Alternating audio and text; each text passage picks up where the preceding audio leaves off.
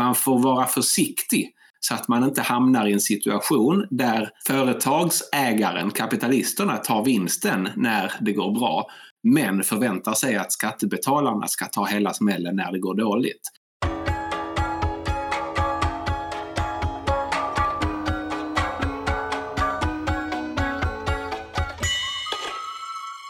Hej och varmt välkomna till Smedjan-podden. Jag heter Karin Sommer Sjövall och idag ska vi prata om trygghet, riskspridning och reformer av den kapitalistiska välfärdsstaten. Och det ska vi göra med Andreas Berg som är välfärdsforskare vid Ekonomihögskolan i Lund och Institutet för näringslivsforskning och dessutom fristående kolumnist i Dagens Nyheter. Varmt välkommen Andreas. Tack så jättemycket. Du har ju skrivit eh, ganska mycket om eh, den kapitalistiska välfärdsstaten och nu när både trygghetssystem och kapitalism testas verkligt skarpt så måste man ju då förstås ställa sig frågan i dessa coronatider, verkar det som att vi har hittat rätt balans? Stor fråga. Det är en stor fråga och svaret vet vi ju inte än. Eh, vilket gör att jag och många andra forskare är väldigt nyfikna på vad som händer. Får jag lov att passa den tre år? Ja, du kan få passa ner ett år kanske i alla fall. Låt mig säga så här. Jag tycker inte att svenska politiker har uttalat sig som jag hörde att Macron sa, att inga företag ska tillåtas gå i konkurs under den här krisen.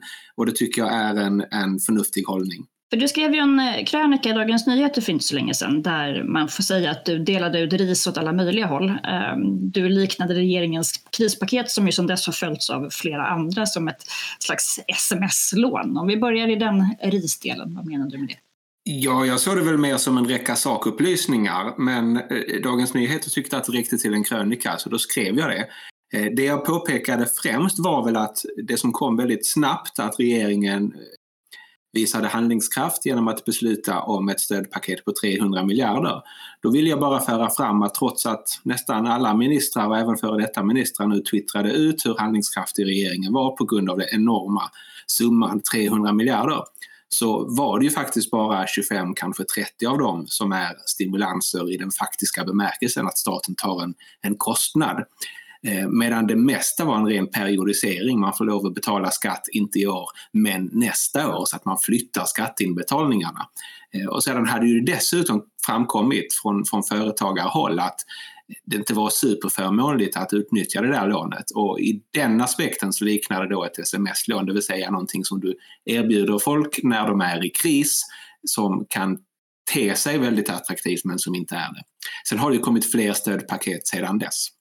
Men då var inte erbjudandet fullt så generöst som det kanske Nej, även om miljarderna nu börjar summera upp till ganska rejäla stimulanser och det tror jag också är klokt. Däremot så hade det inte varit klokt att väldigt snabbt fatta beslut om så enorma belopp som man då gav sken av. Och det jag framförallt tyckte var problematiskt var att handlingskraft i den svenska debatten ofta är synonymt med att sätta sprätt på skattepengar. Det är det nästan aldrig och det är det framförallt inte nu av det enkla skälet att hur stora stimulanser vi än gör så kommer vi inte åt grundproblemet som är viruset och oron för virusspridning. För du eh, menade ju att det här kanske inte bara handlade om att politiken försökte ge sken av en handlingskraft som kanske inte fanns där, eller en generositet, utan också att det fanns ganska stora anledningar för ett näringsliv som nu verkligen står, ändå får man säga, med, med um, mössan i, i hand till staten, att det här var någonting som de skulle kunna få betala för på fler än ett sätt uh, framöver. I det långa loppet så skrev du att Eh, det inte är så bra för kapitalismen om det är så att kapitalägarna i för stor utsträckning hålls under armarna av staten. Ja, och utan att slå allt för mycket på min trumma så såg jag att i dagens eh, tidning var Magdalena Andersson ute och talade om att det kunde bli socialiseringar eftersom man ändå har hjälpt företagen så pass mycket. Eh, så jag var inte helt ute och seglade. Det jag var orolig för var väl egentligen att man går ifrån det grundläggande kapitalistiska samhällskontraktet. Och det finns väl skäl att påminna om det. Alltså när marxister och socialister menar att vi ser en utsugning av arbetaren så finns det ett väldigt enkelt försvar och det är att arbetaren och företagsägaren eller kapitalisten har ingått ett kontrakt där arbetaren får lite mer trygghet och kapitalisten får lite mer vinst. Och tryggheten består då i att man får sin lön oavsett hur det går för företaget, om det går med vinst eller med förlust eller om det går back eller knackigt. Medan kapitalisten tar förlusten när och om det blir förlust men får vinsten om eh, och när det blir vinst. Och det är så frivilliga avtal eh, ser ut. Sedan så finns det ju då händelser som går bortom detta force majeure som gör att man måste ingripa. Eh, och det förstår jag och tror jag alla andra. Men man får vara försiktig så att man inte hamnar i en situation där företagsägaren, kapitalisterna, tar vinsten när det går bra men förväntar sig att skattebetalarna ska ta hela smällen när det går dåligt. Eh, det kommer såklart eh, att slå tillbaks förr eller senare eh, och då diskuterar vi plötsligt förstatligande och socialism och det tror jag vore olyckligt. För det här är ju en, en, en klassisk marknadsliberal take, får man säga, på, eh, på hur, en, hur en fri marknad ska kunna fungera och ha legitimitet. Men det har ju kommit andra röster som i vanliga fall brukar tillhöra samma läger som menar att man kan inte jämföra den här situationen.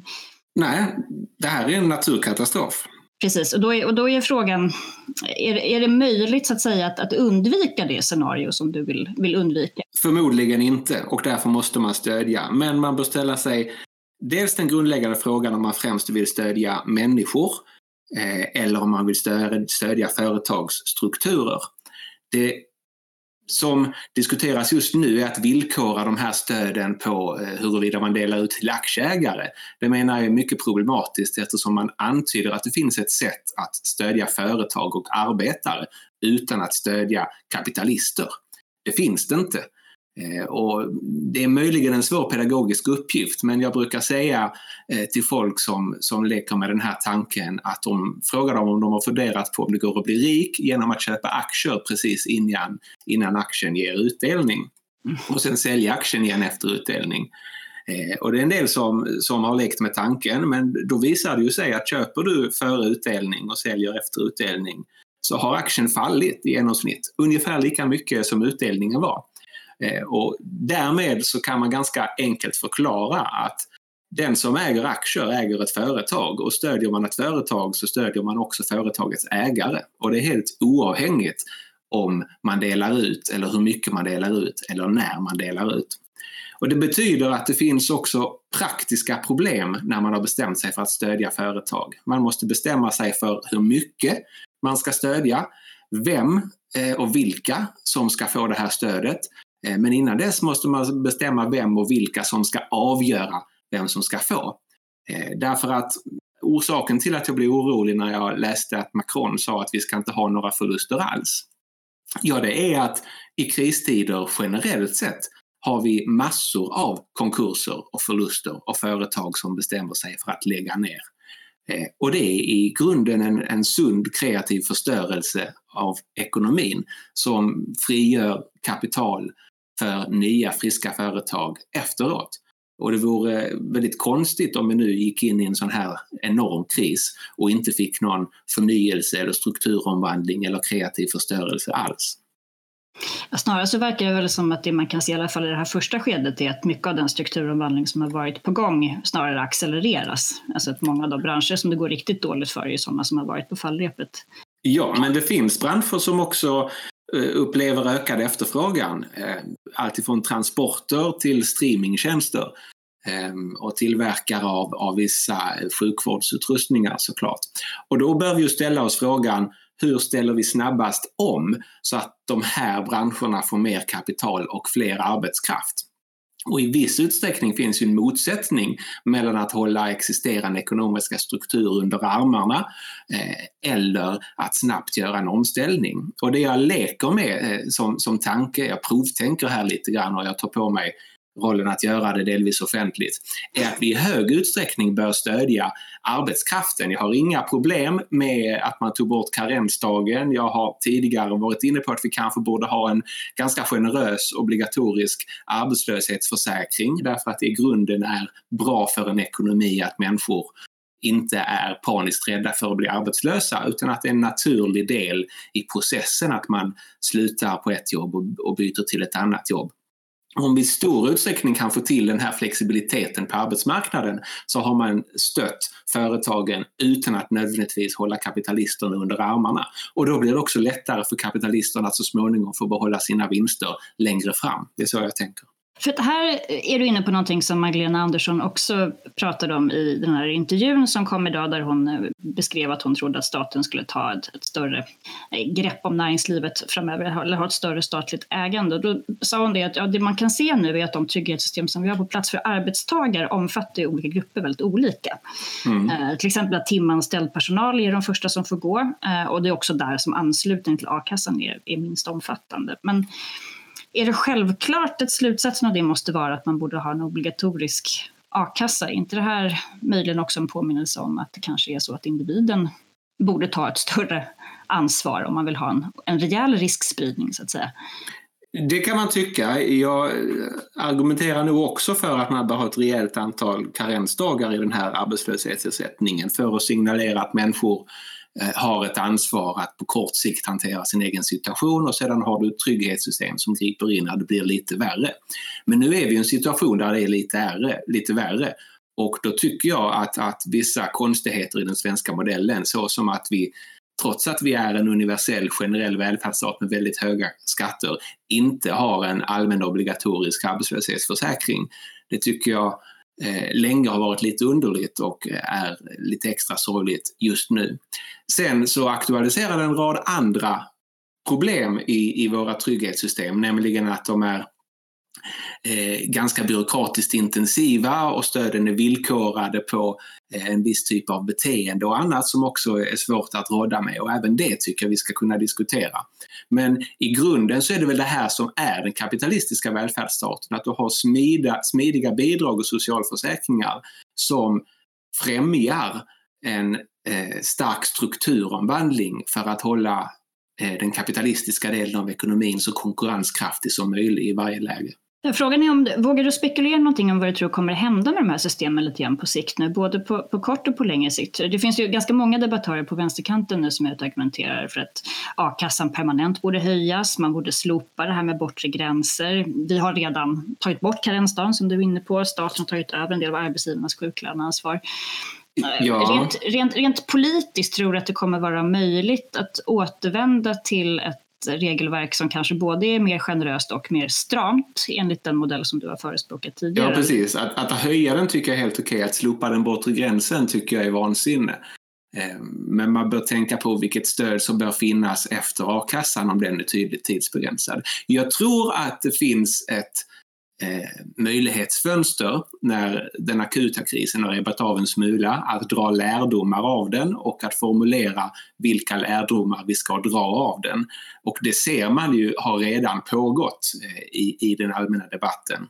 Att ta ett exempel kring intensivvårdsplatser. Där finns det en vänstertake som säger att det här visar hur fel det var att spara i den offentliga sektorn. För 1993 hade vi många fler intensivvårdsplatser än vad vi har nu. Men det finns också en högertake som säger att vad tusan får vi för skattepengarna? Vi betalar nästan världens högsta skatter men vi har ändå inga intensivvårdsplatser när vi behöver det. Jag tycker båda de skjuter lite vid sidan om målet. Den väsentliga frågan är ju hur snabbt vi kan få fram fler intensivvårdsplatser när vi behöver det. Och det är där den svenska modellen prövas. På samma sätt kommer vi diskutera trygghetssystemens utformning. Eh, men det kommer nog dröja ett litet, litet tag eh, innan vi är där. Men det finns anledning för alla tankesmedjor att, att börja fundera på det redan nu och eh, vässa sina argument. Ja, för det är ju frågan ifall det här kommer att leda till att man får en, en, en reell förskjutning av ansvarsfördelningen mellan, mellan stat och, och individ. Jag har sett på, på den mer radikala bogen så är det ju ett antal länder nu som man till exempel börjat prata om medborgarlön, som tidigare var liksom ett intellektuellt experiment. Men som nu... Ja, den, det fanns i och för sig ett bubblande kring medborgarlön eh, även tidigare och en del reformer. Men, men visst, den diskussionen kommer att intensifieras. Det är ju nästan alltid så att kriser också är möjlighetsfönster för politisk debatt och reformer. Och då gäller det att eh, ta initiativ i den här diskussionen. Du har ju också skrivit eh, ganska mycket om utvecklingen mot mer av en gig och delningsekonomi, att det har hänt en, en slags strukturomvandling ändå på den svenska arbetsmarknaden. Ja. Ja. Eh, tror du att den här utvecklingen kommer bidra till att vi får en snabbare återhämtning eller är det nu vi får den riktiga backlashen mot den här utvecklingen när man ser att det just är många som ställs utanför de trygghetssystem som vi har idag? Ja, även där kan det väl gå eh, åt vilket håll som helst. Eh, om, om högern kanske delvis borde ta tillfället i akt att omvärdera sitt motstånd mot obligatoriska socialförsäkringar så hoppas jag att vänstern tar tillfället i akt att inte se lika negativt på gigekonomin för den uppvisar ju dels den här flexibiliteten som vi behöver och har visat sig vara ett ganska smart sätt att transportera mat till människor istället för att alla samlas på en restaurang och därmed skapar en, en nod för smittspridning. Ehm, så jag föredrar att vara optimistisk och hoppas att folk tänker om. Det jag är mest orolig över är såklart att snabba stöd till företagsstrukturer sedan tas som insikt för att socialism nog ändå är i grunden bättre. Och det tycker jag att även opinionsbildare på högertanken borde tänka på. På den mer socialistiska sidan så har man ju oroat sig en hel del för hur det här kommer att påverka bland annat jämlikheten. Mm. Ehm, det är också en sån diskussion som har varit mycket inne i den här gig och delningsekonomi-debatten som har att göra med trygghet. Ehm, men hur tror du att den här krisen kommer att påverka till exempel det svenska Ginit. Nu får du rätta mig om jag har fel, men min uppfattning hittills har varit att det har funnits ungefär tre saker som har varit riktigt effektiva om man vill ha ordentlig omfördelning i samhället. Och det brukar vara ja. krig och pandemier och liksom verkliga katastrofer. Så, tror du att vi kommer att bli ett ekonomiskt mer eller mindre jämställt samhälle av den här erfarenheten? Ja, först måste jag väl då eh, tillfälligtvis peka på min käpphäst, nämligen att jämlikhet är mycket bredare än bara den här Gini-koefficienten som alla diskuterar. Vi borde diskutera fattigdom och social rörlighet mycket mer. Detta sagt, eh, om vi då eh, ska säga någonting om hur just Gini-koefficienten, alltså en siffra mellan 0 och 1, där 1 är fullständig ojämlikhet och 0 är fullständig jämlikhet, påverkas, så vet vi att den kommer att falla.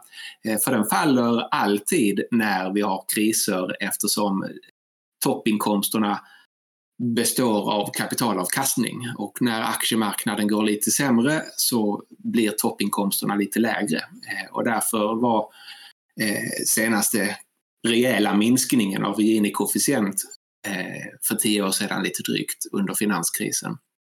Och dessförinnan var det IT-kraschen 2000. Samtidigt så ser vi ju då att börsen föll rejält i takt med nyheterna om hur illa läget är och hur det ser ut att sprida sig från Kina då för någon månad sedan. Men när kom det första stora glädjeskuttet? Jo, det var i samband med att Riksbanken annonserade att nu finns det 500 miljarder för affärsbankerna att låna till ingen ränta alls. Och sedan när eh, regeringen och stödpartierna meddelade eh, sin nyhet om de 300 miljarderna.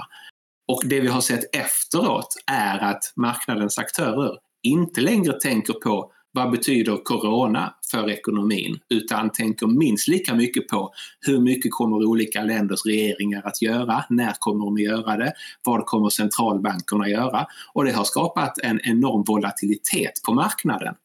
Eh, och den som vinner på det är daytraders och eh, robotalgoritmer som handlar på den här volatiliteten.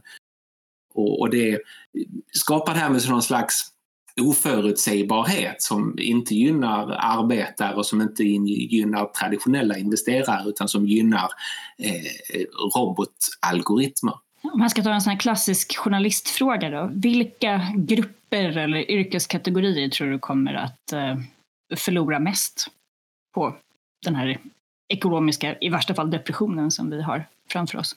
Om man har sådan otur att man drabbas både hälsomässigt och ekonomiskt så, så drar man ju såklart den största nitlotten just nu.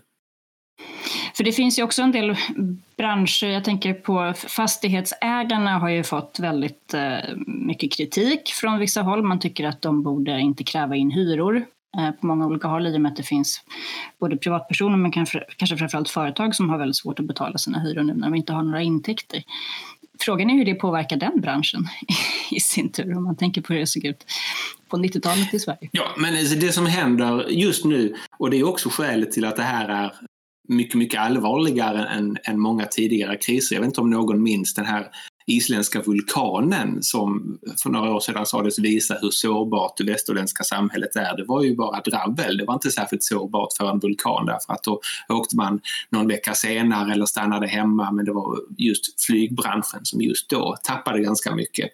Det här däremot eh, viruset och reaktionerna på viruset sårar ju alla branscher som bygger på att människor träffas. Och ekonomin generellt sett har ju gått mer mot eh, kunskapsintensiva tjänster som bygger på att människor träffas. Ekonomin har blivit mer urbaniserad. Människor tycker om att bo i städer och jobba tillsammans med andra. Vilket gör att det här slår egentligen mot allt det som vi tidigare målat upp som, som den moderna nya ekonomin. Eh, och, och ju mer man har sin verksamhet knuten till att människor träffas och eh, lär sig av varandra, desto svårare blir det och desto större är smällen just nu. Och det är därför som det är så, eh, sån ekonomisk hjärtinfarkt på hela planeten.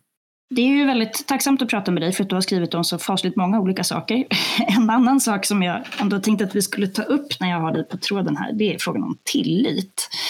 Eh, som du har tittat på, eh, bland annat när det kommer till, till delningsekonomi. Eh, nu beskrivs ju Sverige som ett land som skiljer ut sig väldigt mycket från många andra länder i hur, man, hur myndigheterna agerar i smittbekämpningen. Ja. Ehm, det faktum att vi inte arbetar så mycket med skarpa förbud som är med frivillighet och ett ansvarstagande och så. Har du någon reflektion kring ifall det, vad det kan sägas? Att säga, ja, det har jag. Jag, jag, jag finner det jätteintressant.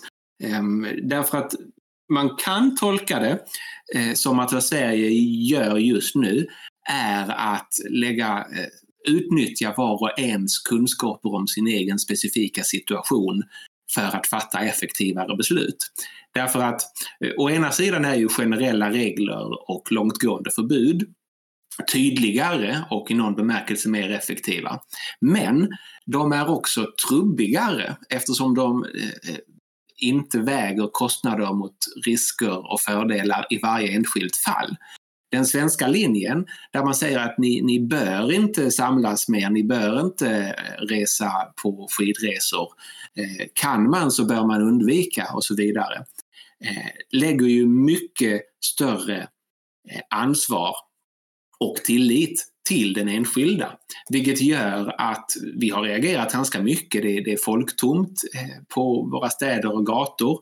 Men det har åstadkommits genom att människor har fattat beslut om sin egen situation. Eh, och det är inte förbjudet att, att åka till IKEA om man måste ha tag i en viss skruv just nu. Utan människor gör en bedömning i varje fall. Eh, det tror jag hade varit svårt att göra om vi inte hade haft den här tilliten till människor, tilliten till myndigheter. Sen är det också viktigt att komma ihåg att när man jämför Sveriges agerande med andra länders agerande som tar till mer drastiska eh, lagar och regler, är att det är också länder som traditionellt sett har haft svårt att implementera och se till att de efterlevs när man inför lagar och regler. Så det finns en risk att vi jämför hur vi på pappret eh, eller hur Sverige faktiskt beter sig med hur andra länder beter sig på pappret.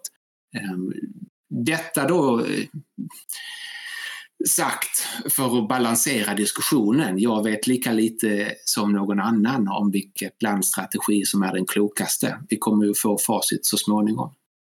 Ja, nej, det är märkvärdigt hur tvärsäkra många människor verkar vara på den här punkten. Det håller jag med om. Men då kanske man kan se det som att eh, det är liksom statsindividualism som pandemibekämpning. Det var en lite oväntad take kanske. Ja, eller någon form av eh, tillit till den enskilda människan och hennes förmåga att faktiskt fatta kloka beslut. Som vi kanske generellt sett borde lita lite till på. Jag ja, jag brukar gilla eh, den egenskapen i, i samhället. Den som lever får se. Eh, tack så hemskt mycket Andreas Berg för ett mycket intressant samtal. Jag får väl be dig att komma tillbaka om ett år så får vi utvärdera vem som hade rätt eller vem som hade fel. Kanske att vi måste ge det mer än ett år, men jag kommer gärna tillbaka. Tack. Stort tack. Och det var allt för dagens Medianpodd. Om ni gillar det ni hör, sprid ordet, dela och kommentera. Och har ni några synpunkter eller tips, skriv gärna till oss. På www.timbro.se smedjan hittar ni alltid intressanta texter, såväl dagsaktuella som mer eviga och fördjupande. Tack för att ni lyssnar och läser.